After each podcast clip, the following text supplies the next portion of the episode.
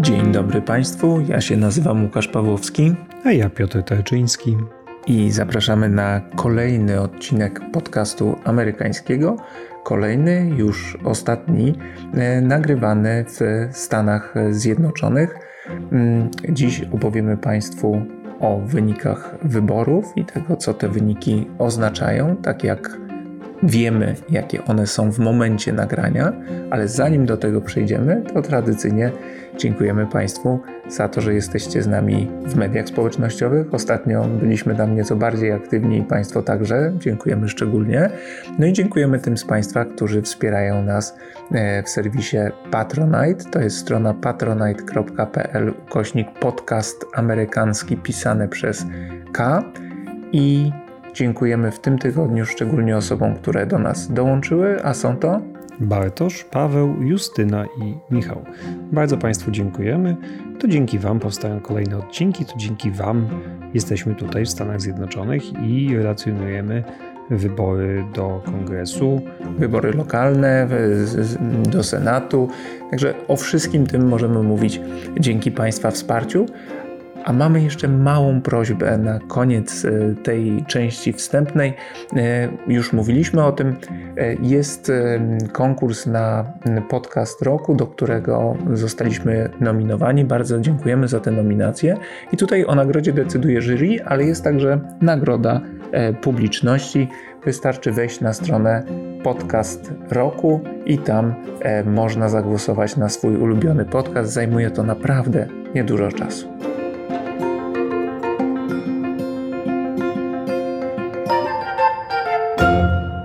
A teraz opowiemy Państwu oczywiście o wyborach w połowie kadencji, które odbyły się we wtorek i które oglądaliśmy na żywo w Pensylwanii, jednym z najciekawszych stanów tegorocznych wyborów, stanów, od którego bardzo wiele zależało i który e, tuż przed e, wyborami przeżywał prawdziwe e, oblężenie, najazd znanych postaci obu partii. Aż trzech prezydentów wybrało się do Pensylwanii, żeby promować swoich kandydatów. Obok Donalda Trumpa był to Joe Biden i Barack Obama. No i chyba trochę lepiej poszło tym drugim, ale o tym szczegółowo za, za moment. My postanowiliśmy pojechać na zachód stanu i wzięliśmy udział w wiecu Donalda Trumpa w Latrobe, niedaleko Pittsburgha. E, szczegółowy opis tego wiecu znajdą Państwo w naszym odcinku specjalnym, który ukazał się mm, kilka dni temu. Z łatwością w e, serwisach streamingowych na naszym kanale go znajdziecie. Opisaliśmy go też w reportażu dla OkoPress. Ale później było równie ciekawie, bo wybraliśmy się na wschód stanu, gdzie odwiedziliśmy miejsce urodzenia e, Joe Bidena, a później już w czasie wyborów e, zwiedzaliśmy e, zarówno Filadelfię, jeden z najbardziej demokratycznych okręgów w kraju. Właściwie to jest, byliśmy w okręgu, gdzie Joe Biden uzyskał najwyższy odsetek głosów w całym kraju. To było 93%? Bodajże. A potem pojechaliśmy na przedmieścia Filadelfii do hrabstwa Bucks, które jest jednym z tych y, rejonów w Pensylwanii, gdzie toczy się prawdziwa walka, zacięta walka o miejsce do Izby Reprezentantów i gdzie jest są taka rzadka sytuacja, w której mm, wyborcy głosują na prezydenta na przedstawiciela jednej partii, a do kongresu wybierają przedstawiciela drugiej. Y, I to nie jest częste w Stanach Zjednoczonych, to naprawdę jest na palcach obu rąk można takie okręgi policzyć, a my byliśmy w aż dwóch, bo najpierw w Scranton, czyli tam, gdzie urodził się Joe Biden, to jest okręg, w którym na prezydenta mieszkańcy wybrali Donalda Trumpa. I to dwukrotnie. I to dwukrotnie, a kongresmenem jest stamtąd demokrata Matt Cartwright. Y, I w tym roku ten kongresmen uzyskał reelekcję. I to jest jeden z bodaj trójki kongresmenów, którzy dwukrotnie wygrali w okręgach, które jednocześnie wygrywał Donald Trump, a więc osiągnięcie rzeczywiście wyjątkowe. A z kolei pod Filadelfią, tam w Bucks County, tam wygrywa Joe Biden, tam wygrał ostatnio Joe Biden, ale na kongresmena mieszkańcy wybrali wtedy republikanina i w tym roku również y, dali mu reelekcję. No więc rozmawialiśmy z ludźmi w, zarówno w Scranton, jak i w, tutaj w Bucks County pod Filadelfią. Y, te nasze rozmowy z wyborcami z miasteczka Washington Crossing też opisaliśmy w tekście dla OkoPress. Polecamy. Ja muszę przyznać, że pisanie tego tekstu naprawdę i zbieranie materiałów do tego tekstu to była prawdziwa przyjemność. Także raz jeszcze dzięki wszystkim, e, dzięki którym mogliśmy tutaj być. E, a teraz opowiedzmy, jak ogólnie możemy ocenić e, tę kampanię. No i tutaj muszę pochwalić Łukasza, dlatego że kiedy tylko spłynęły pierwsze wyniki, to Łukasz powiedział to, co później powtórzyły za nim wszystkie najważniejsze media w Stanach Zjednoczonych i na świecie. To znaczy, Łukasz powiedział: No, czerwonej fali nie ma, to nie jest żadna czerwona fala. No i rzeczywiście wróciliśmy do domu, i wtedy dopiero na New York Timesie, i w Washington Post, i w polskich mediach pojawiły się dokładnie takie same nagłówki. Brawo, Łukaszu. Bardzo dziękuję. A to ja pochwalę nas obu jeszcze, bo dosłownie, żeby pokazać Państwu, jak ciekawe były te miejsca, w których byliśmy. E, kiedy wracaliśmy spod Scranton, słuchaliśmy podcastu New York Timesa i dowiedzieliśmy się z niego, że e, dziennikarze New York Times pojechali dokładnie w to samo miejsce, w którym e, my byliśmy i mieli nawet te same wrażenia. Na przykład w Scranton jest wiele różnego rodzaju ulic, alejek, czy nawet autostrad imienia Joe Bidena, ale kiedy wjeżdża się do Scranton, to ta autostrada e, Joe Bidena, widać, że na tablicach imię Joe Bidena jest doklejone i najwyraźniej nadano je w, w ostatnim czasie. Dokładnie na to samo zwrócili uwagę także dziennikarze New York Times, tylko my tam byliśmy wcześniej. No dobra, kampania. No więc jak już powiedział Łukasz, czerwonej fali nie było i rzeczywiście demokraci wypadli no, lepiej niż się spodziewano. Jak Państwo pewnie pamiętacie z poprzednich odcinków, y, zgadzaliśmy się ze wszystkimi, że demokraci poniosą klęskę w tych wyborach i to była tylko kwestia tego, jak duża ta klęska będzie. No bo taka jest już dynamika tych wyborów w połowie kadencji.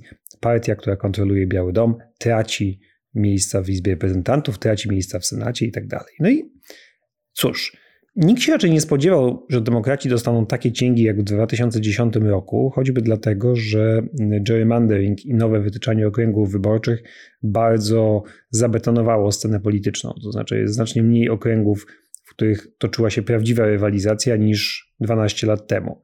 Ale i tak mówiło się o tym, że może na przykład aż 30 miejsc pójść w stronę republikańską, no i to by było uznane za rzeczywiście duży sukces republikanów. Tymczasem, mimo tego, że notowania Bidena są takie, jakie są, o czym też Państwu mówimy, to znaczy 41% mniej więcej Amerykanów uważa, że wykonuje dobrą robotę w Białym Domu, demokratom udało się zminimalizować straty i wydaje się, że to są najlepsze midtermy dla partii y, kontrolującej Biały Dom od 20 lat. Tak, w 2010 roku Barack Obama tracił 63 miejsca w Izbie Reprezentantów po dwóch latach swojej prezydentury. Bill Clinton w roku 1994 ponad 50 miejsc stracił po dwóch latach swojej prezydentury.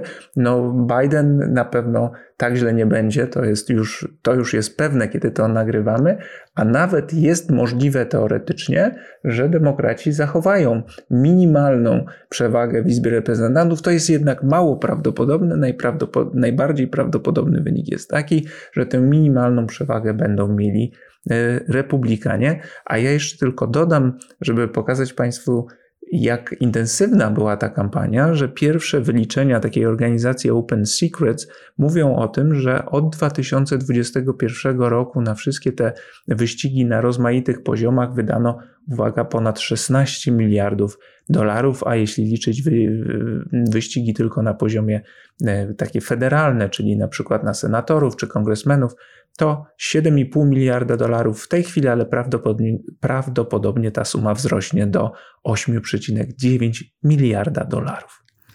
No i po tych wszystkich wydanych pieniądzach wydaje się, że wynik będzie bardzo podobny, znaczy układ sił podobny do tego, jaki mamy teraz, tylko być może w drugą stronę. No ale jak to możliwe? No bo republikanom, jak Państwo pamiętacie, brakowało bodajże sześciu miejsc do tego, żeby przejąć kontrolę nad Izbą Reprezentantów. Tymczasem odbili, jak się szacuje na razie, około 11. No więc w teorii już powinni mieć tę większość. No problem polega na tym, że wprawdzie republikanie odbili 11 miejsc, y, ale demokraci z kolei też odbili kilka republikanom i to nawet w takich miejscach, w których to wcale nie było oczywiste. E, więc, e, więc tutaj jest przesunięcie w jedną stronę, przesunięcie w drugą. Kilka wyścigów wciąż jest nierozstrzygniętych, zwłaszcza w Stanach Zachodnich. bo tam liczenie głosów trwa dużo dłużej, o czym powiemy Państwu za chwilę, z czego to wynika. Wciąż również są takie miejsca jak Maine i Alaska, czyli te dwa stany na dwóch przeciwległych krańcach kraju, w których ordynacja wyborcza jest preferencyjna, a więc trochę potrwa, zanim uda się zliczyć wszystkie głosy. No więc wciąż nie wiemy, która partia kont będzie kontrolowała Izbę Reprezentantów. Ja stawiam mimo wszystko na Republikanów, ale naprawdę będzie to pewnie taka przewaga, jaką teraz mają demokraci. Albo nawet mniejsza, czyli życie przyszłego spikera Izby Reprezentantów będzie, będzie bardzo trudne. O ile rzeczywiście tym speakerem Izby Reprezentantów zostanie, dodajmy, dlatego że... Ale kto zostanie, bo ja nie powiedziałem. Zostanie, zostać miał Kevin McCarthy. No, powiedziałeś speakera. No a tutaj po drugiej stronie byłaby raczej speakerka. Więc y, mówimy o McCarthy. Tak, no, wydawało się jeszcze tydzień temu, że Kevin McCarthy ma zagwarantowaną pozycję speakera nowej Izby Reprezentantów od stycznia. Tymczasem no, to nie jest takie pewne, dlatego że jeśli nawet Republikanie wygrają, ale będą mieli tę przewagę minimalną, 4, 5, 6 miejsc, to bardzo wiele będzie zależało od tych republikanów zgromadzonych w tak zwanym Freedom Caucus, czyli takiej najbardziej radykalnej frakcji republikańskiej, najbardziej pro-Trumpowej, najbardziej konserwatywnej, jak oni twierdzą, a ja bym powiedział, że jednak najbardziej po prostu radykalnej. No i oni będą mogli de facto decydować, kogo będą chcieli poprzeć na speakera. I już to zresztą wstępnie zapowiadają, że to jeszcze nie jest pewne, będziemy rozmawiać z różnymi kandydatami i tak dalej. Ale ja myślę, że Kevin McCarthy zostanie tą osobą. Problem będzie polegał na tym, że McCarthy będzie zakładnikiem tej frakcji będzie musiał robić absolutnie wszystko, czego oni od niego zażądają. No to, to pozwala przewidywać, że ten kongres będzie bardzo potencjalnie radykalny i też można przewidywać takie dość niebezpieczne decyzje także z punktu naszego widzenia, no bo jeżeli McCarthy, tak jak powiedziałeś, będzie zakładnikiem no, wszystkich swoich e, kongresmenów, bo każdego głosu będzie potrzebował, no to głos takiej kobiety jak Marjorie Taylor Greene, która mówi ani ani dolara więcej dla Ukrainy, będzie miał fundamentalne dla niego znaczenie i on nie będzie sobie mógł pozwolić, żeby, żeby e, ją stracić kogoś takiego jak Marjorie Taylor Greene, ale też y, ona nie jest jedyna. No. Jest też na przykład Lauren Boebert, o której powiedzmy, nie wiem czy Państwo pamiętacie, to jest taka pewnie nieświęta trójca republikanów, Marjorie Taylor Greene, Matt Gates na Florydzie i Lauren Boebert z Colorado. Mm, bardzo, bardzo radykalna, no wręcz szalona powiedziałbym republikanka. Y, no i tutaj ciekawy i nieoczekiwany zwrot y, sytuacji. Otóż w trzecim okręgu Colorado, gdzie Lauren Boebert ubiega się o reelekcję i była prawie pewna wygranej, mm, liczenie głosów wciąż trwa, już prawie się zakończyło, ale wyścig jest niezwykle wyrównany. Z tych mniej więcej 300 tysięcy oddanych głosów różnica wynosi zaledwie kilkaset. Na razie na korzyść Bobert, to się zmieniało, ale jest szansa na to, że Bobert przegra walkę o reelekcję po zaledwie jednej kadencji. Y, byłaby to prestiżowa porażka. Poza tym dodajmy jeszcze, że jeśli jest mniej niż 0,5% głosów w Colorado, to następuje automatyczne ponowne przeliczenie głosów. W związku z tym to znowu będzie trwało. To jest o tyle ciekawe, że to pokazuje, że ta strategia takiej bezwzględnej konfrontacji, która jest oparta wyłącznie na no, trollingu, bo tego właściwie inaczej nie można określić, czyli to, co robi Marjorie Taylor Greene y, i co robiła Bobbert w kongresie, nie zawsze jest skuteczna. To znaczy, Tyler Green oczywiście uzyskała reelekcję, bo miała bardzo bezpieczny okręg, ale przypominam na przykład takiego Madisona Cawthorna, który był kongresmenem republikańskim, także tego typu, ale który przegrał walkę już na etapie prawyborów. Więc to nie jest zawsze tak, że strategia naśladowania Trumpa albo próby prześcignięcia Trumpa mm, i bezwzględnej konfrontacji, trollingu i jakiejś takiej agresywnej retoryki zawsze się opłaca. Znaczy, Taylor Green startuje z Georgii, z bezpiecznego okręgu, ale też ta jej przewaga minimalnie spadła, tam z 30 kilku punktów procentowych, z 30 bodaj 5 do 32, to jest minimalna strata. Natomiast Bobert e, spadła z 8 punktów procentowych e, przed dwoma laty do teraz właściwie nie wiadomo jak dłużej, prawdopodobnie na poziomie między 0,25 a 0,5, ale to się wszystko jeszcze może zmienić, więc strata jest dość znacząca, ale są też inne przykłady pokazujące, że ten radykalizm kandydatów partii republikańskiej się nie opłacał. Na przykład w Michigan, w jednym z e, okręgów, e, demokratka Hillary Sholten pokonała niejakiego Johna Gibbsa. I to jest e, interesujące, bo ten Gibbs był wspierany bezpośrednio przez Trumpa w prawyborach partii republikańskiej, a to dlatego, że urzędujący kongresmen z tego okręgu zagłosował za impeachmentem Trumpa. I my opowiadaliśmy też Państwu, że w takich przypadkach bywało, że demokraci wspierali tego bardziej radykalnego kandydata, i tak było także w tym wypadku.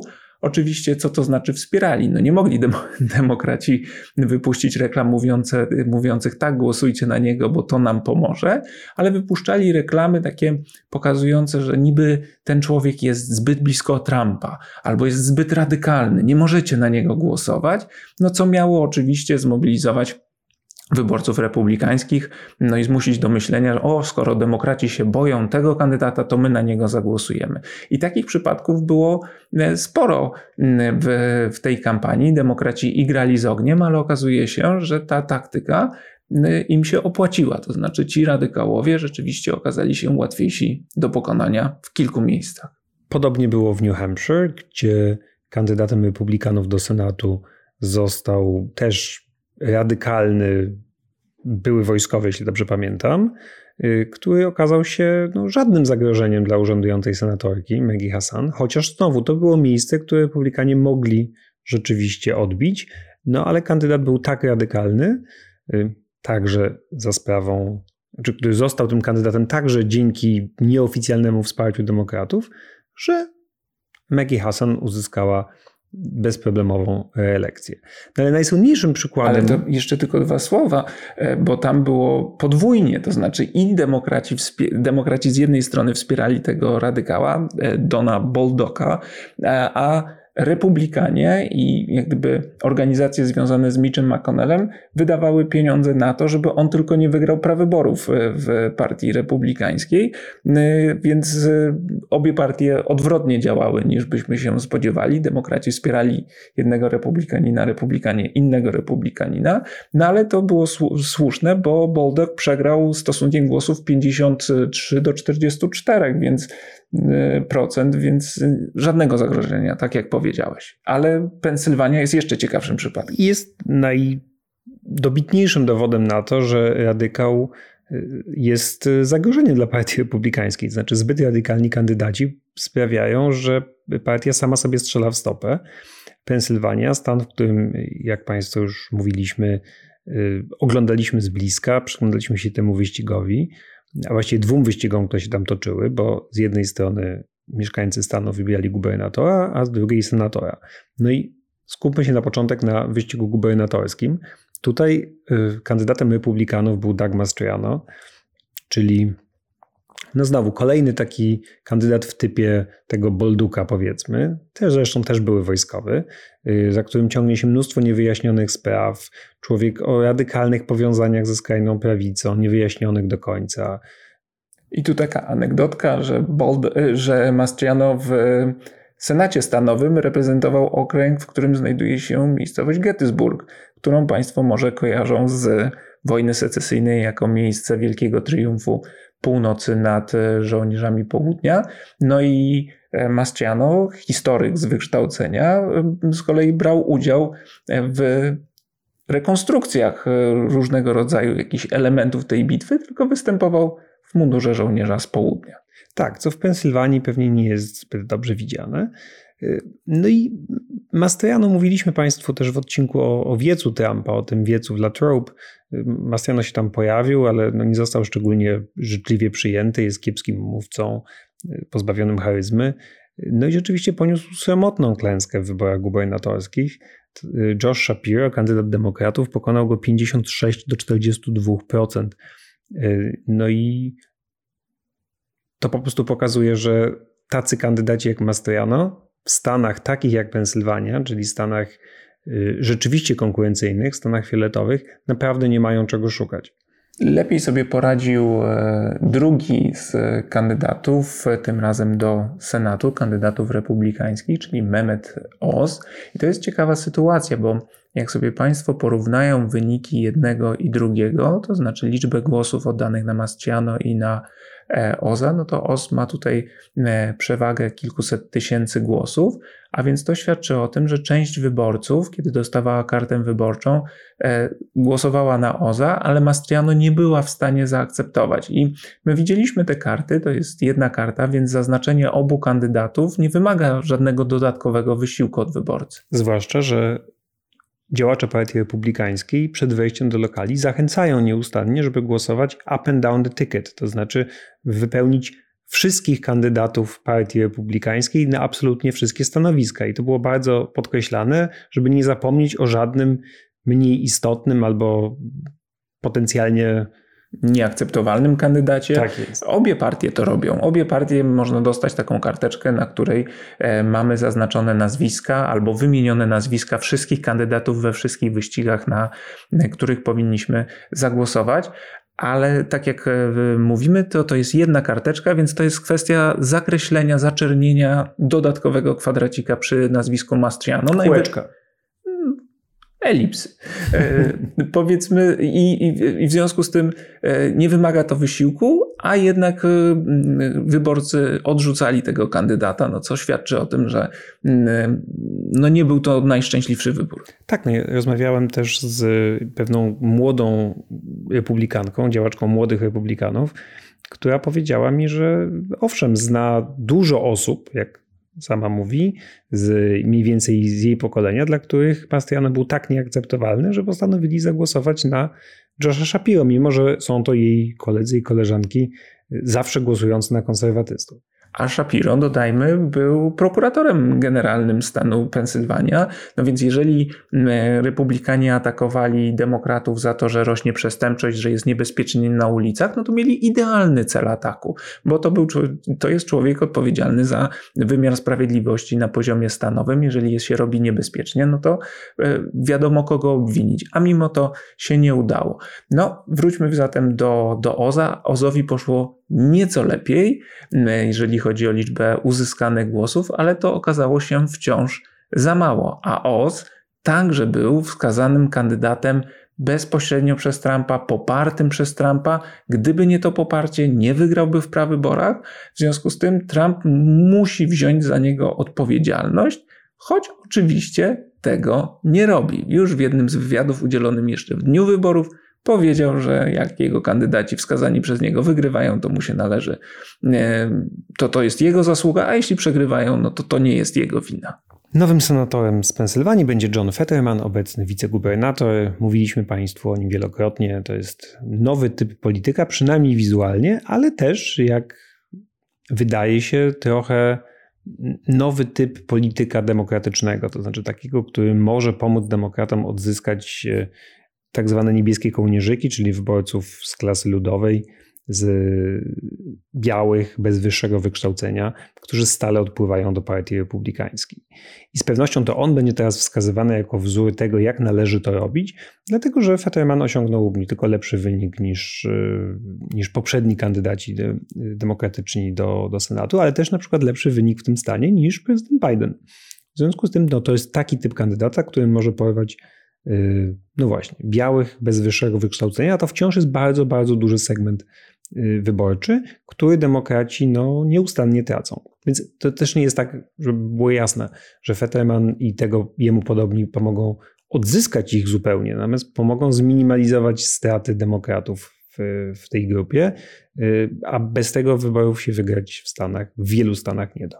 No tak, podróżując po, po stanie, to są często długie godziny, słuchaliśmy różnego rodzaju audycji politycznych i tam też e, były rozmowy z Pensylwańczykami na temat e, Fettermana i często pojawiało się tam takie sformułowanie, że to jest taki facet jak my, e, że, że wygląda jak my, że, że mówi jak my i wydaje się takim przyziemnym, w dobrym tego słowa znaczeniu człowiekiem.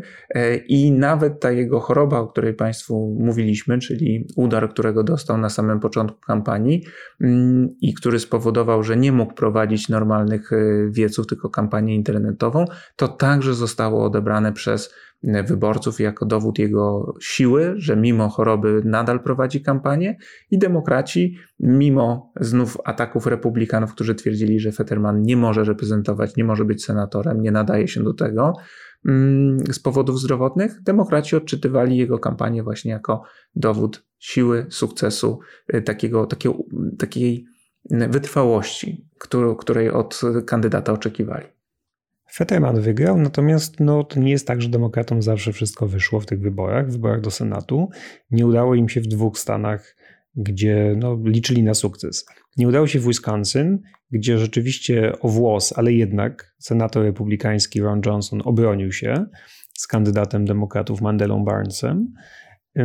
Natomiast ciekawszym przypadkiem wydaje się Ohio, w którym wydawało się jeszcze niedawno, że kandydat demokratów Tim Ryan Y, demokratyczny kongresmen y, jest w stanie prowadzić wyrównaną kampanię z, z republikaninem, z J.D. Vance'em, znanym Państwu dobrze autorem elegii dla widoków, i że no, był też przedstawiany jako wzór tego, jak demokraci powinni prowadzić kampanię w takim stanie jak Ohio. Y, pamiętam taki doskonale taki artykuł z New York Timesa sprzed kilku tygodni. I to były takie dwa stany, na które zwracano uwagę, właśnie Ohio i Pensylwania. W obu Y, dwóch demokratycznych kandydatów z klasy ludowej, ale przynajmniej zwracających się do klasy ludowej, próbujących odzyskać ludzi, którzy kiedyś głosowali na demokratów, ale później zaczęli głosować na Trumpa. No i o ile Fettermanowi się to udało, no tyle Ryan poniósł klęskę i to klęskę znacznie większą niż się tego wszyscy spodziewali, bo Vance pokonał go 53 do 46%. 47. No i to ciekawe, bo Ryan podkreślał w kampanii taką swoją pewną niezależność od kierownictwa partii, o tym, że jest y, taki no, zdroworozsądkowy, że jak jego partia ma rację, to, to głosuje tak jak trzeba, ale równocześnie w wielu sprawach potrafi się zgodzić z republikanami, czy nawet z Donaldem Trumpem. Y, I, I on był wskazywany raczej przez takich centrowych, umiarkowanych demokratów jako wzór prowadzenia kampanii. A Fetterman odwrotnie. Fetterman był raczej faworytem progresistów, Y, i takiego bardziej skrzydła lewicowego, no też dlatego, że Fetterman kiedyś poparł Berniego Sandersa. Y, no i cóż się okazuje, no zdecydowanie to raczej Fettermanowie, a nie Ryanowie są y, wzorem, ale oczywiście, no to wiem, na razie były tylko dwa wyścigi, ale nawet nie tyle, wiesz, bo jest, są jeszcze inne siły tutaj w grze. To znaczy, jeżeli jakiś stan idzie bardziej w kierunku jednej partii, to ten kandydat y, może niewiele znaczyć. To znaczy, powiem tak, czy gdyby Fetterman startował w Ohio, to by wygrał? Pewnie by nie wygrał. Też dlatego, że tam jest republikański gubernator ubiegający się o elekcję, który wygrał. I który pociągnął pewnie także kandydata Tego na... Vansa. Mhm.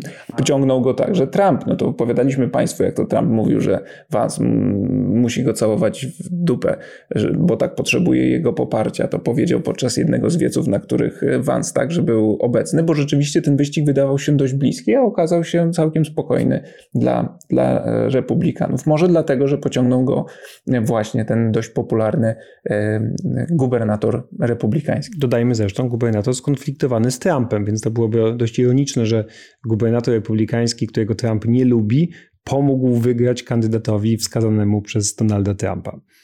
Jak powiedzieliśmy Państwu wcześniej, na wschodnim wybrzeżu i na wschodniej części, we wschodniej części Stanów wyniki są już raczej znane i tam już policzono prawie wszystkie głosy, natomiast na zachodzie, y, na zachodzie wciąż zmiany, bo tam wciąż głos liczą. Y, zwłaszcza dwa stany tutaj są istotne, Nevada i Arizona.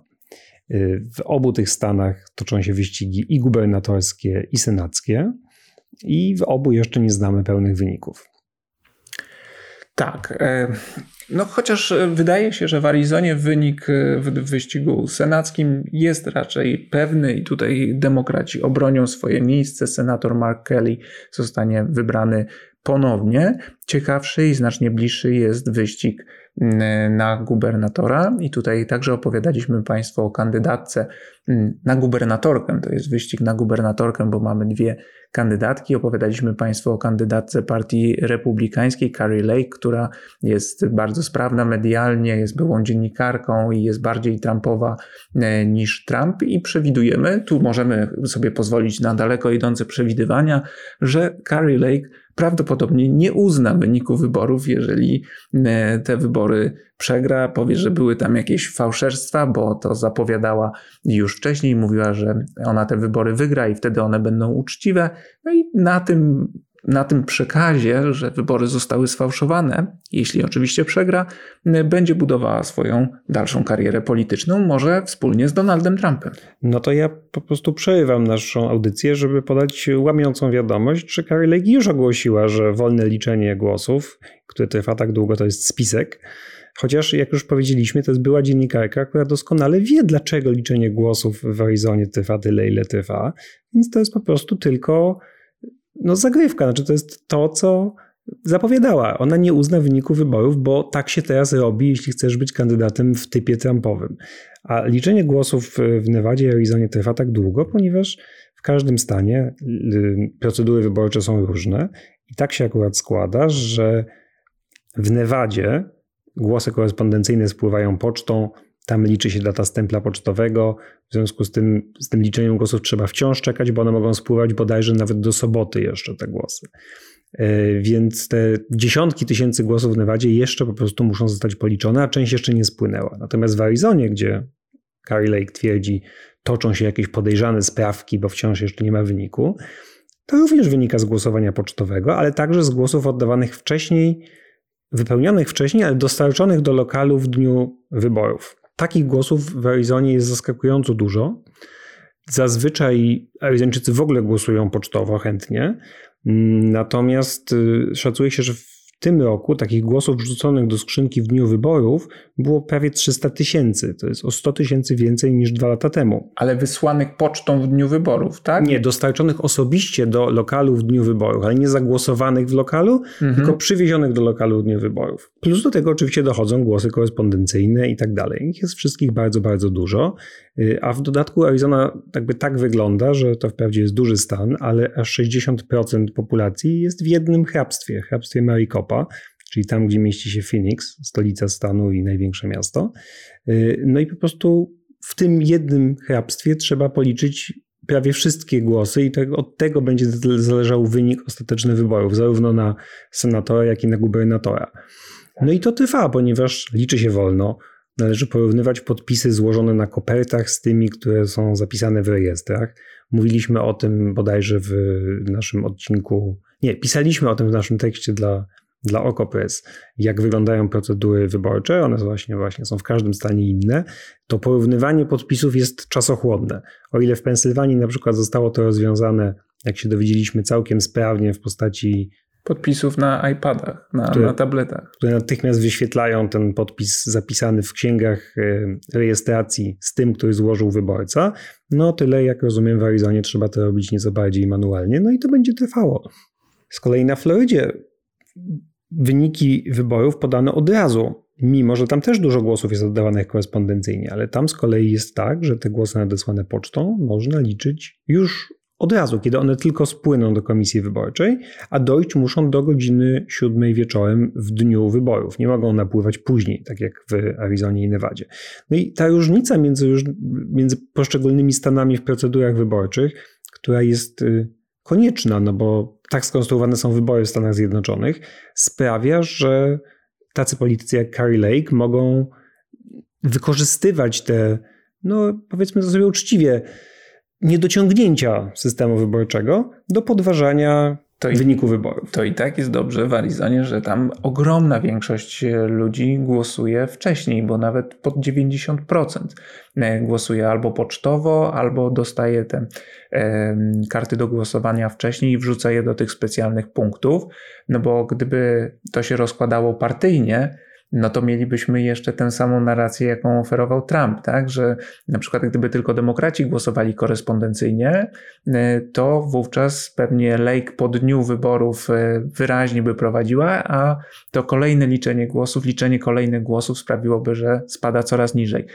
A, a tak jako że wszyscy niemal Arizończycy głosują zdalnie, no to ten, ten wynik się bardzo nie zmienia, choć jest możliwe, że e, przewaga demokratki e, będzie rosnąć, bo właśnie spływają głosy z tych, czy będą liczone głosy z tego najlicz, najliczniejszego i demokratycznego e, hrabstwa Maricopa. A teraz jeszcze powiedzmy dwa słowa o tej Nevadzie. Tutaj demokraci najpewniej stracą miejsce, znaczy fotel gubernatora, natomiast jeżeli chodzi o Senat, jest możliwe, że że republikanie ten, to miejsce w Senacie odbiją i wtedy wszystko sprowadza się do tego samego stanu, e, co e, dwa lata temu, czyli do Georgii. A tutaj mamy zasady takie, że jeżeli żaden z kandydatów nie uzyska więcej niż 50% głosów, to odbywa się druga tura pomiędzy dwoma kandydatami z największym odsetkiem głosów. Jest to obecny senator Raphael Warnock i kandydat Partii Republikańskiej, znów wskazany przez Trumpa, Herschel Walker, czyli były futbolista, zawodnik NFL, ale także zawodnik lokalnego uniwersytetu i taka stanowa gwiazda. No tylko, że można być dobrym piłkarzem amerykańskim, futbolistą amerykańskim, a niekoniecznie dobrym politykiem i tak jest w przypadku Walkera, który nie dość, że niespecjalnie dobrze mówi i nie ma też wiele do powiedzenia, bo nie zna się na tym, o czym mówi, to po prostu kłamie jak najęty i jest hipokrytą nie z tej ziemi. To prawda, no i będziemy mieli dogrywkę. Dogrywka będzie tym razem w grudniu. Jak Państwo może pamiętacie, dwa lata temu też była dogrywka w Georgii, a nawet dwie dogrywki, dlatego że wtedy były wybory zwyczajne, rozkładowe, plus wybory uzupełniające, w których właśnie wygrał Raphael Warnock, tylko na dwa lata. Wtedy ta dogrywka była w styczniu, y, czyli dłużej trwała ta kampania wyborcza niż będzie trwała w tym roku. I wtedy demokratom zaskakująco udało się uzyskać oba te miejsca y, senackie z Georgii. Jak będzie teraz, zobaczymy. Ale powiedzmy, bo wtedy także winiono Trumpa za to, że się nie udało obronić tych dwóch miejsc, y, zdobyć tych dwóch miejsc republikanom, bo Trump jeździł do Georgii i teoretycznie wspierał kandydatów republikańskich, a tak naprawdę mówił cały czas o tym, że ukradziono mu wybory i wszystko jest sfałszowane. W związku z tym mówiono, że część wyborców republikańskich mogła poczuć, że nie ma sensu głosować, skoro system jest y, skrzywiony i oszukany na korzyść demokratów. No, zresztą byliśmy świadkami dokładnie tego. No, na wiecu Trumpa, tym pod Pittsburghem, Trump też przyleciał tam zachwalać kandydatów republikańskich do Senatu i na gubernatora i też mówił głównie o sobie, a nie o nich. Y, no więc teraz będziemy mieli pewnie powtórkę z tamtego y, przypadku, to znaczy partia będzie się, republikańska będzie się mobilizować, żeby za wszelką cenę wygrać tę dogrywkę. Y, z jednej strony będzie potrzebowała Trumpa, żeby Trump zmobilizował część elektoratu, z drugiej będzie miała nadzieję, że Trump nie powie niczego strasznie głupiego i strasznie irytującego, co sprawi, że część wyborców niezależnych się zniechęci do kandydata republikańskiego. Mm, już zostało zapowiedziane, że zapowiedziane, już słychać głosy, że namawiają Trumpa, część jego ludzi, żeby poczekał z ogłoszeniem swojej kolejnej kandydatury do, na urząd prezydenta, do czego Trump się wręcz wyrywa i chciał to zrobić nawet na tym wiecu pod Pittsburghem. Y, tak samo zresztą chciał tego tłum, którego do tego wyraźnie namawiał. Ale, y, ale proszą go, żeby wstrzymał się z tym do po dogrywce w Georgii, czyli do przynajmniej początku grudnia. No bardzo ciekawe, czy, się, czy wytrzyma, no bo oczywiście e, jeżeli to, znaczy musi to ogłosić, e, żeby co, żeby zmienić temat trochę dyskusji w partii republikańskiej, bo tam już się zaczęło obwinianie Trumpa za wybór marnych kandydatów, za udział w kampanii. Na przykład jest oskarżany e, o to, że przez swoją obecność w Pensylwanii na tym wiecu no, przypomniał o sobie i zniechęcił część wyborców e, do, do głosowania. Na doktora Oza, dlatego że no jakby przegrana Mastriano to była prawie pewna, ale przez to, że na tym wiecu pojawił się też Oz, no, nie mógł się nie pojawić, no to został jakby, zostało przypomniane, że doktor Oz to nie jest tylko ten miły, sympatyczny doktor z telewizji, ale również kandydat związany z Donaldem Trumpem i związany z radykalnym Dagiem Mastriano. No tak, ale tu nie było dobrego wyjścia, bo z drugiej strony Trump nie może uniknąć odpowiedzialności za doktora Oza, w związku z tym chciał mu pewnie no, jakoś... nie może, no. no. No, jest wskazany Oz przez Trumpa wbrew e, samym republi- dużej części republikanów, szczególnie tych lokalnych, i podobnie jest z Herschelem Walkerem. To znaczy, gdyby republikanie mieli tam trochę bardziej umiarkowanych i niezależnych od Trumpa kandydatów, to to te wybory byłyby już skończone. I znów jest w przypadku Herschela Walkera to samo, co w przypadku Doga Mastriano, e, to znaczy, jeżeli porównamy liczbę głosów oddanych na Walkera i liczbę głosów oddanych na gubernatora, kandydata republikańskiego na urząd gubernatora w Georgii, który to kandydat swobodnie wygrał swoje wybory, Brian Kemp. Pokonał Stacey Abrams znacznie bardziej niż e, poprzednio, kiedy również się z nim mierzyła tak, y, no to znów widzimy, że Walker ma znacznie, gdyby miał tyle samo głosów co Brian Kemp, to już dawno by wygrał swoje wybory. A więc znów widzimy, że część wyborców była w stanie zagłosować na gubernatora e, republikańskiego, ale nie chciała poprzeć republikańskiego kandydata na senatora. Mówimy o tym i podkreślamy to, tak,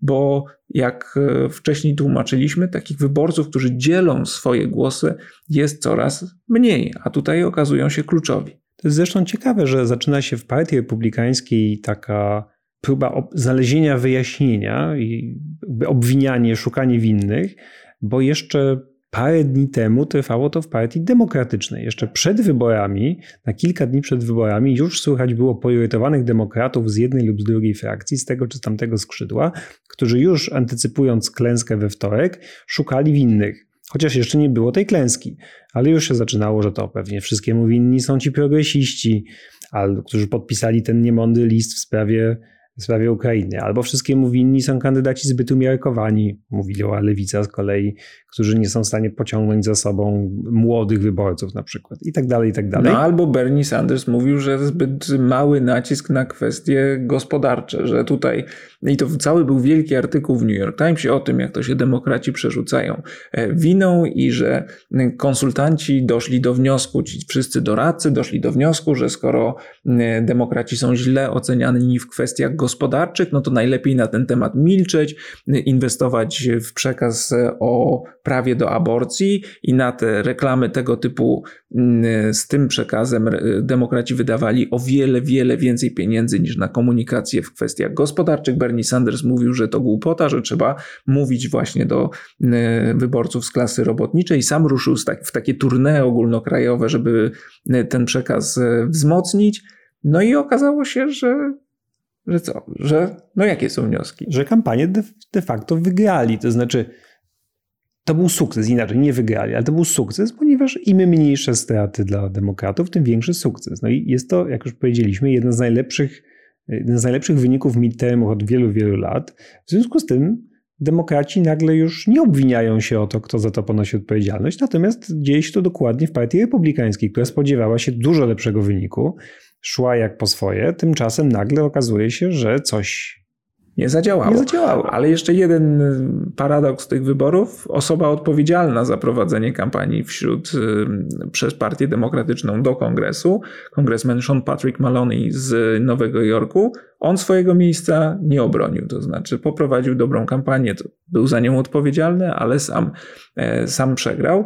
No ale pytanie jest takie, dlaczego te wszystkie zapowiedzi o tym, że za mało układliśmy nacisk na sprawy gospodarcze albo za dużo na aborcję, dlaczego to nie zadziałało? No, pojawiają się takie wyjaśnienia, że demokraci nie ponieśli tak dużej klęski, dlatego że ich wyborcy na tyle boją się partii republikańskiej, że są w stanie zagłosować na swoich, nawet wówczas, kiedy nie do końca są z nich zadowoleni. No co widzimy na przykład w tych e, e, poziomie aprobaty dla dla Joe Bidena, to i tak wyborcy demokratyczni idą, głosują, bo boją się republikanów, a poza tym E, republikanie, na co warto zwrócić uwagę, także nie mają planu na to, jak walczyć z inflacją. Słuchaliśmy tutaj różnych wywiadów z na przykład z Rickiem Scottem, senatorem e, z Florydy, odpowiedzialnym za kampanię do Senatu Republikanów, który jak był pytany o to, jak, co zrobią z inflacją, no to jakby nie potrafił, nie dawał żadnej e, odpowiedzi. Dobrze to ujął Barack Obama, który na jednym z wieców powiedział, że republikanie na wszystko mają tylko jedną odpowiedź, czyli obniżka podatków dla e, najbogatszych, że nawet jakby asteroida leciała i miała uderzyć w Ziemię, to oni by e, wybrali takie rozwiązania. Tak, ale też pojawiają się takie tłumaczenia, że okazuje się, że inflacja wcale nie była aż tak ważnym tematem, albo inaczej, dla wyborców, którzy owszem mogą mówić, że inflacja jest dużym problemem i na pewno jest, ale ostatecznie, kiedy przychodzi do głosowania, to nie był wcale tak dobry czynnik, który który będzie decydował o tym, jak zagłosują. No, albo nie ta aborcja okazała się jednak rzeczywiście bardzo mobilizująca, co pokazują wybory chociażby na poziomie lokalnym, o którym powiemy później, czyli albo na poziomie stanowym, albo referenda stanowe. Czyli jednak ta aborcja yy, i sprzeciw wobec zaostrzenia przepisów y, antyaborcyjnych i wyniku wyroku Sądu Najwyższego z czerwca rzeczywiście okazał się mobilizujący dla wyborców demokratycznych. Czyli co, strach przed republikanami, przekonanie o tym, że oni nie mają lepszej e, alternatywy? Być może zrozumienie, że inflacja to nie jest problem wyłącznie amerykański i że to nie jest tak, że prezydent Biden zadekretował sobie wysoką inflację i gdyby chciał, to mógłby ją obniżyć, że to jest troszkę bardziej zniuansowane. No i te kwestie strachu, jeżeli chodzi o prawa kobiet, no to, to, to, to jednak okazało się dość e, istotne. No i trwa teraz przerzucanie się winą w partii republikańskiej. I z pewnością widzi to Mitch McConnell, który mam wrażenie ma jakąś powtórkę koszmaru z 2010 i 2012 roku, kiedy sytuacja była podobna, to znaczy wygrana w Senacie, przejęcie kontroli nad Senatem było dla Republikanów wtedy w zasięgu ręki. On mógł zostać liderem większości w Senacie i wszystko rozbiło się z powodu fatalnych kandydatów, którzy wygrali w prewyborach. Tak było w 2010, tak było w 2012, no i teraz, 10 lat później, w 2022, McConnell ma dokładnie to samo. No bo nawet jeśli uznamy, że dr Oz był niezłym kandydatem, a przynajmniej nie był beznadziejnym, no to przynajmniej już kandydat w New Hampshire, ten Baldock na przykład, tak, to jest fatalny kandydat. Herschel Walker, jak powiedział Łukasz, zły kandydat. Kandydat w Arizonie, zły. To wiele miejsc, które było naprawdę do odbicia, za sprawą Donalda Trumpa, y, który wskazał tych kandydatów i ich wspierał, no właśnie, została w rękach demokratów. No więc y, Mitch McConnell myślę nie ma, nie ma dobrej nocy, nie miał dobrej nocy we wtorek i nie jest to dobry czas. Też wewnętrzny konflikt Mitcha McConnella jest z senatorem Rickiem Scottem, o którym powiedział Łukasz, który był szefem tej kampanii do Senatu i zdecydowanie bardziej wspierał jakby tę stronę Trumpową i kandydatów pro-Trumpowych. Już widać, jak wymieniają panowie między sobą uszczypliwości na temat tej, tej kampanii. No i bardzo dobrze, bo im więcej ze sobą walczą, to, to tym lepiej. Znaczy, tym lepsze, im, im więcej podziałów partii republikańskiej, tym lepiej dla demokratów. Ale widać pewien ym, trend. A trend jest taki, że im bardziej zażarte były prawybory republikańskie, tym jest gorzej dla republikanów teraz. Czyli w tych stanach, gdzie kandydat był właściwie znany od samego początku i w prawyborach nie miał większej konkurencji, tam udawało się lepiej. A tam, gdzie toczyła się zażarta rywalizacja, czyli jak na przykład w Pensylwanii, gdzie tych kandydatów było wielu i wygrał ostatecznie Oz, y, no to poszło gorzej. Okej, okay, wyjątkiem jest, wróćmy jeszcze raz, Ohio, bo tam też była zażarta rywalizacja, a udało się republikanom stan e, utrzymać. Natomiast e, Ważne jest to, że podnoszą się głosy przeciwko Trumpowi i w mediach pojawiają się takie opinie, że co prawda partia republikańska miała fatalną, fatalne wybory, ale za to świetne wybory miał Ron DeSantis, czyli e, gubernator Florydy, który wygrał te wybory e, przewagą 20 punktów procentowych. Poprzednim razem, kiedy po raz pierwszy e, wygrywał wybory, to ta przewaga była minimalna, to były tam ułamki procentów, no więc poszerzył poparcie, odbił nawet demokratyczne okręgi w, w swoim stanie. No i pojawiają się głosy, że teraz jest moment dla DeSantisa, żeby rzucić się Trumpowi do gardła, usunąć go i w ogóle przejąć kontrolę nad partią republikańską. No, ale pojawiają się głosy też sceptyczne, które mówiły, że Trumpa składano już do politycznego grobu po 6 stycznia. Wydawało się, że wówczas wszyscy się od niego odwrócą, że to już poszedł za daleko, a krótko później okazało się, że jest nadal jedynym przywódcą partii republikańskiej. To prawda, ale nie przypominam sobie nawet wtedy aż takiego niezadowolenia z Trumpa y, jak teraz. To znaczy, tak wyraźnie krytycznych głosów wobec Donalda Trumpa, jakie pojawiają się teraz po wtorkowych wyborach. Y, tutaj imperium Roberta Murdocha, imperium medialne już przystąpiło do ataku i widać, że postawiło na y, DeSantisa, a nie na Trumpa. Wall Street Journal napisał, że Trump jest największym przegrywem partii republikańskiej, no bo Trump nie poprowadził partii do żadnego zwycięstwa tak naprawdę. Znaczy nigdy. Owszem, w 2016 wygrał, ale dzięki systemowi elektorskiemu, a później to, to jest pasmo klęsk. 2018, 2020, potem 2021, czyli te uzupełniające wybory do Senatu w Georgii i 2022 teraz, to znaczy pasmo klęsk, coś co można było wygrać, to się przegrywa. To, co Wall Street Journal napisał w taki trochę bardziej zniuansowany i grzeczny sposób, no bo to jest jednak y, poważna gazeta, no to w New York Post, który jest takim tabloidem, ale z tej samej stajni Murdocha, tam z kolei Trumpa po prostu wyśmiano, porównano go do Humptiego Dumptiego, mm, który, który tylko przegrywa. I nawet, no i Fox News, który jest jakby trzecim ramieniem, a właściwie najważniejszym ramieniem tej Mardochowej ośmiornicy, no to tam też już krytykuje się Donalda Trumpa, a co nawet gorzej się go ignoruje.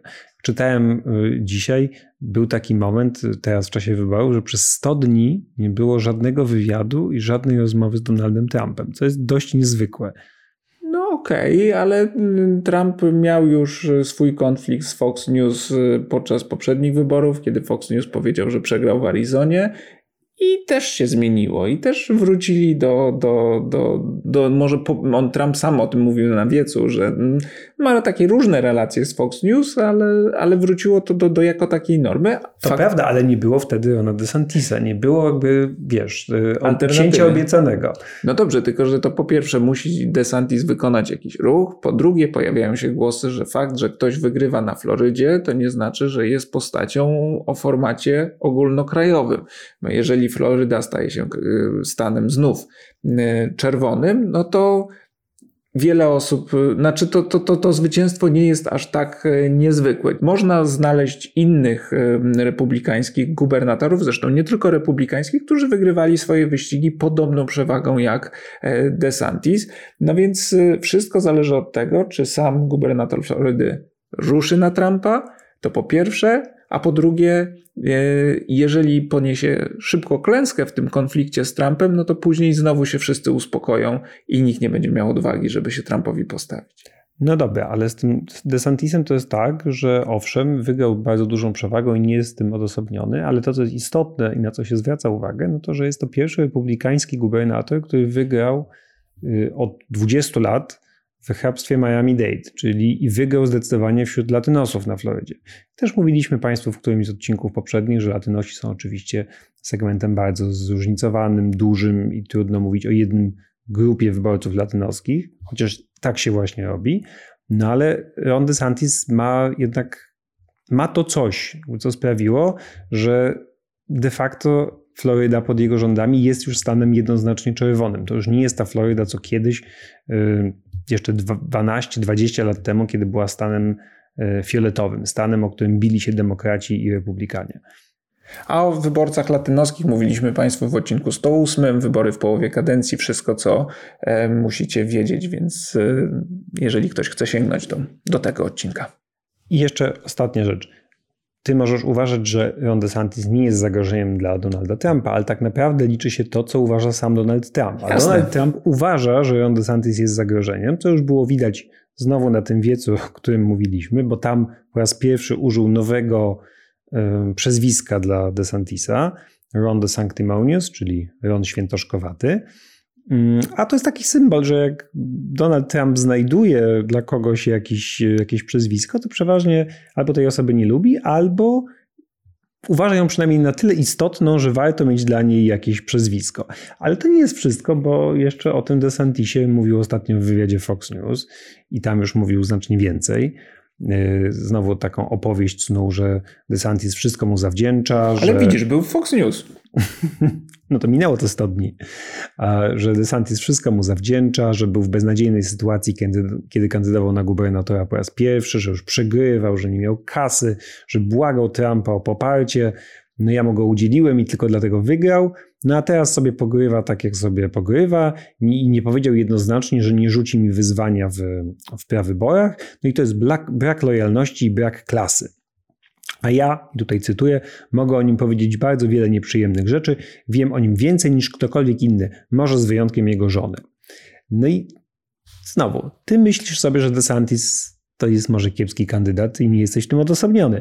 Ale jeśli Donald Trump będzie przekonany, że DeSantis jest dla niego zagrożeniem, to będzie go atakował. A znowu, im więcej wewnętrznych walk w Partii Republikańskiej, tak jak tutaj mamy między Mitchem McConnellem a Rickiem Scottem, też zresztą z Florydy, też zresztą byłym gubernatorem Florydy, to tym lepiej jeszcze, jeśli będzie się walczył ze sobą Ron DeSantis i Donald Trump. No zobaczymy, czy będzie walczył, bo tutaj jest pytanie, jak zareaguje sam zainteresowany, czy będzie miał, na pewno znajdzie wsparcie, bo w partii republikańskiej nie brakuje ludzi, którzy chętnie by się pozbyli Trumpa, tylko nie chcą to, chcieliby, żeby to ktoś za nich e, zrobił, e, więc jeżeli podejmie walkę, to będzie ciekawie, ale też pojawiają się takie analizy, że jak tych dwóch zacznie ze sobą walczyć, no to nagle pojawi się być może miejsce na jakieś zupełnie nowe otwarcie w partii republikańskiej, ale jedno chyba można powiedzieć, to znaczy ja tak uważam, że DeSantis będzie bardziej akceptowalny dla wielu republikanów niż Trump, tych takich republikanów powiedzmy, którzy uważają się jeszcze za bardziej umiarkowanych, bo DeSantis jest taki bardziej wygładzony moim zdaniem niż, niż Trump, nie, nie krzyczy w ten sposób, no ma trochę inny styl. E, wiele w tym jest udawania, bo prowadzi, potrafi robić też akcje w stylu Trumpowym, tak jak wysyłanie nielegalnych imigrantów do Stanów e, demokratycznych i to oszukiwanie tych ludzi, że tam czeka na nich jakaś praca i mieszkania. To, I to się podoba bazie, ale jednocześnie jest w stanie chyba przekonać tych takich bardziej tradycyjnych e, republikanów, których Trump odrzucał. No więc będzie ciekawie w partii republikańskiej, to na pewno. Sam Trump twierdzi, że wcale nie jest zły z powodu wyniku wyborów. Nie wiem, A, czy no, czytałeś. Oczywiście. Powiedział, znowu cytuję, wbrew temu, co mówią fałszywe narracje, nie jestem zły. W ogóle nie jestem. Spisałem się świetnie, a poza tym to nie ja startowałem. Jestem geniuszem. Tak, no ale pojawiają się źródła, e, dziennikarze powołując się na jakichś doradców Trumpa, e, mówią o tym, że chodzi i wścieka się na wszystkich. Dostało się nawet, proszę Państwa, Melanie Trump, biednej, e, bo to podobno ona namawiała Trumpa. To znaczy tak, sam Trump uważa, że to ona i Sean Hannity, czyli prezenter Fox News, namawiali go do tego, żeby poparł Memeta Oza. A teraz powiedzmy jeszcze o czymś, o czym y, mówi się rzadziej, szczególnie właśnie w polskich mediach, bo to nie, ale też w amerykańskich, bo to nie są spektakularne rzeczy, a rzeczy bardzo istotne, czyli sukcesy demokratów w, na poziomie wyborów stanowych. I to jest rzecz niezwykle ważna, no bo tu tłumaczymy Państwu, że tam się decydują wyniki wyborów, są urzędnicy, którzy odpowiadają za organizację wyborów, ale także na przykład teraz po decyzji w sprawie aborcji Sądu Najwyższego, to na poziomie stanowym można zaostrzać przepisy. Więc jeżeli republikanie zdobywają pełną kontrolę nad jakimś stanem, no to mogą wprowadzić de facto zakaz aborcji. Jeżeli demokratom udaje się zachować na przykład stanowisko gubernatora, to może on wetować decyzję legislatury stanowej, więc wówczas republikanie potrzebują super większości, żeby takie weto przełamać. No i okazuje się, że w wielu miejscach to się nie udało. Wręcz przeciwnie, demokraci odnieśli bardzo dobry wynik w legislaturach stanowych. Oczywiście nie mamy jeszcze pełnych wyników ze wszystkich stanów, e, ale jeśli uda im się utrzymać kontrolę nad Nevadą, nad jedną z izb Nevady, to będzie pierwszy raz, kiedy partia u władzy nie straciła w midtermach ani jednej izby legislatury. Po raz pierwszy od lat 30. XX wieku.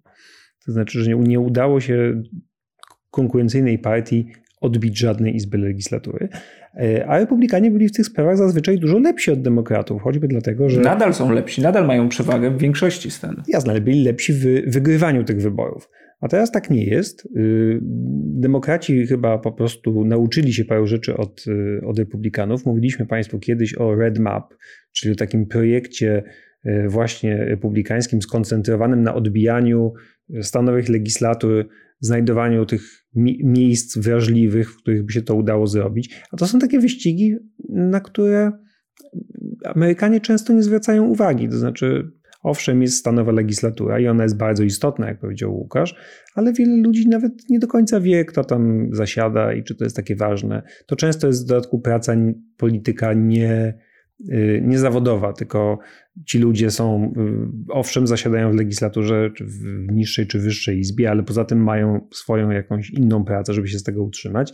Y, no i to, to nie są wyścigi, które budzą emocje. Natomiast legislatury stanowe są bardzo, bardzo istotne i zwłaszcza teraz po wyroku sądu w sprawie Roe kontra Wade, to legislatury stanowe będą mogły decydować o tym, jak y, będzie wyglądały, będą wyglądały przepisy aborcyjne w danym stanie. No i wydaje się, że demokratom udało się y, odzyskać pełną kontrolę nad kilkoma stanami, bo do tego jeszcze odbili stanowiska gubernatorskie w Massachusetts i w Maryland. To są takie dwa stany, które są uważane za demokratyczne, bo one są demokratyczne. Natomiast y, tam był wcześniej umiarkowani republikańscy gubernatorowie. Tak, ale nie chcieli się ubiegać o. Jeden nie mógł, drugi nie chciał. Y, no i jakby już republikanie nie mieli nikogo innego tego typu wystawili kandydatów dużo radykalniejszych, no i tam y, demokraci poradzili sobie znakomicie. Czyli teraz... mają pełną kontrolę. I w Massachusetts i w Maryland mają i gubernator, stanowisko gubernatora i obie izby stanowych legislatur. Ale no, jak mówię, Massachusetts i Maryland to są powiedzmy stany zdecydowanie demokratyczne, ale już na przykład w Michigan gdzie gubernatorka Gretchen Whitmer uzyskała reelekcję i to w sposób dość swobodny. To tu mm, dwa słowa. Gretchen Whitmer, fakt, że uzyskała reelekcję jest także wielką porażką Trumpa, no bo to była jedna z postaci, na którą on koncentrował swój atak bardzo mocno. Oskarżał ją właśnie e, o wprowadzanie nadmiernych ograniczeń w czasie pandemii. To jest jeden z głównych wrogów e, Donalda Trumpa. I to jest również ta gubernatorka, y, którą próbowali, czy planowali zaczynali porywać radykałowie związani z prawicowymi bojówkami. E, I Gretchen Whitmer uzyskała reelekcję, ale, i to jest nawet jeszcze ważniejsze, demokratom udało się odzyskać kontrolę nad obiema izbami stanowej legislatury i po raz pierwszy od 40 lat mają pełną kontrolę nad Michigan. Podobnie jak w Minnesocie, gdzie odbili Senat i również mają pełną kontrolę nad e, całym stanem. Jak będzie w Stanach y, tych bardziej zachodnich, wciąż nie wiemy, no bo znowu tam trwa liczenie głosów. Ale póki co na poziomie stanowym to jest bardzo dobry wynik dla demokratów. I znowu, to nie jest coś, o czym się mówiło przed wyborami, to nie jest coś, na co, na co zwracali uwagę y, politycy Partii Demokratycznej, jakby z samej wierchuszki. Przynajmniej ja tego sobie nie przypominam. Tymczasem bardzo dobra y, noc dla demokratów. Co więcej, jeszcze na poziomie stanowym odbywały się referenda. I to referenda w sprawie aborcji. Jak Państwo może pamiętacie, mówiliśmy kiedyś o wyniku takiego referendum w lipcu albo w sierpniu w, w Kansas, gdzie w tym jakby nie było konserwatywnym stanie. Choć z demokratyczną gubernatorką. Ale to też znowu trochę na zasadzie straszny konkurent republikański. Ale owszem, w tym jednak konserwatywnym stanie Y, mieszkańcy zagłosowali przeciw zaostrzeniu prawa antyaborcyjnego. No i teraz w pięciu stanach y, wyborcy zrobili to samo. Albo uznali, że trzeba skodyfikować dostęp do, y, mm, do przerywania ciąży i zostało to zapisane to prawo w stanowych konstytucjach. W Kalifornii, w Vermont, ale także w Michigan. Ale w dwóch stanach takich no, konserwatywnych, w Montanie i w Kentucky, odrzucili poprawki, które by utrwalały w stanowych konstytucjach zakaz aborcji.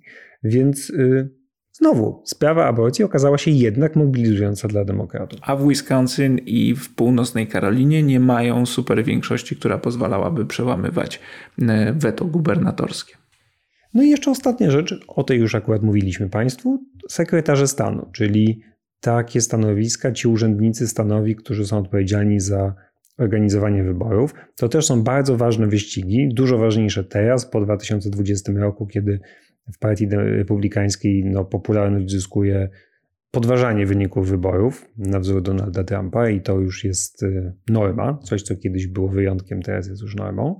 Mm, no i w wielu tych stanach istotnych, kluczowych kandydowali y, tacy, mm, takie osoby, które powtarzały wielkie kłamstwo Donalda Trumpa o ukradzionych wyborach i zapowiadały, że jeśli w 2024 będą jakieś nieprawidłowości, no to one y, albo zmienią wynik wyborów, albo unieważnią wynik wyborów i tak dalej. No i, i w Michigan, i w Arizonie tacy kandydaci przegrali. No, nie wiemy jeszcze, jak będzie z Carrie Lake, e, czyli kandydatką na gubernatorkę, ale wiesz, z drugiej strony New York Times wyliczył, że na tych różnych poziomach y, masz prawie 200 kandydatów, którzy podważali uczciwość procesu wyborczego i, i wygrali swoje wyścigi. No tak, ale oni są, ja wiem, New York Times to podlicza od dawna, tylko że oni są na różnych poziomach, Jasne, są różnej ty... szkodliwości. Oni do tych 200 kandydatów wliczają zarówno kandydata na sekretarza stanu, który ma autentyczny wpływ na jak przebieg wyborów, jak i członka stanowej legislatury, który też jest istotny, czy kongresmena co akurat dla podważenia wyników wyborów ma trochę mniejsze znaczenie. Więc to, to nie jest tej samej skali. Na przykład bardzo dobrze jednak uważam, że i w Arizonie, i w Michigan nie wygrała osoba, która chciałaby odwracać wynik wyborów. Jasne, to z kolei w wyliczeniach portalu Axios było tak, że było powiedziane, że jeżeli stracą kontrolę nad Arizoną, no to republikanie nie będą mieli czy będą mieli pełną kontrolę nad stanami, które łącznie mają mniej niż 270 głosów elektorskich, a więc mniej niż jest potrzebne do wygrania wyborów e, prezydenckich. A więc e, nawet gdyby wszyscy republikanie w tych wszystkich stanach, które kontrolują na poziomie stanowym, e, postanowili oszukać, oddać wynik wyborów na przykład Trumpowi, no to to się nie uda. To, to jest akurat dobra wiadomość. Czyli dobra noc dla amerykańskiej demokracji, zaskakująco. Dla demokratów i demokracji. Tak jest. Natomiast, i to też trzeba powiedzieć, widać, że amerykański sposób organizacji wyborów, a właściwie sposoby, no bo one zależą od poszczególnych stanów, to nie jest system efektywny. To nie jest system, który budzi zaufanie ludzi ta różnorodność między poszczególnymi stanami jest, y, jest szkodliwa. To znaczy, potrzebne, przydałby się jakiś, jakiś, jakaś uniformizacja tych metod, dlatego że potem masz taką sytuację jak teraz, że na Florydzie wyniki są podane od razu, w Arizonie trwa to nawet tydzień.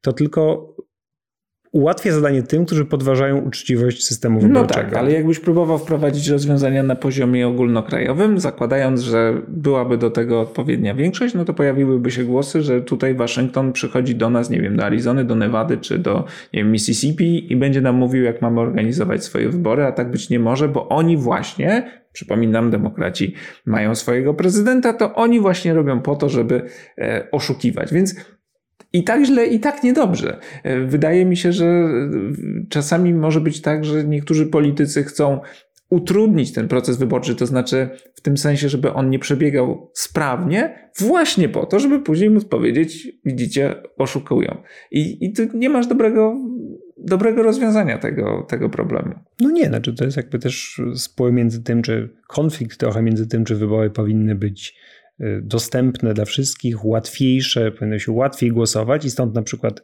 rozwijanie głosowania korespondencyjnego, wcześniejszego i tak dalej, czy powinny być wzbudzać zaufanie poprzez na przykład szybkie podawanie wyniku wyborów.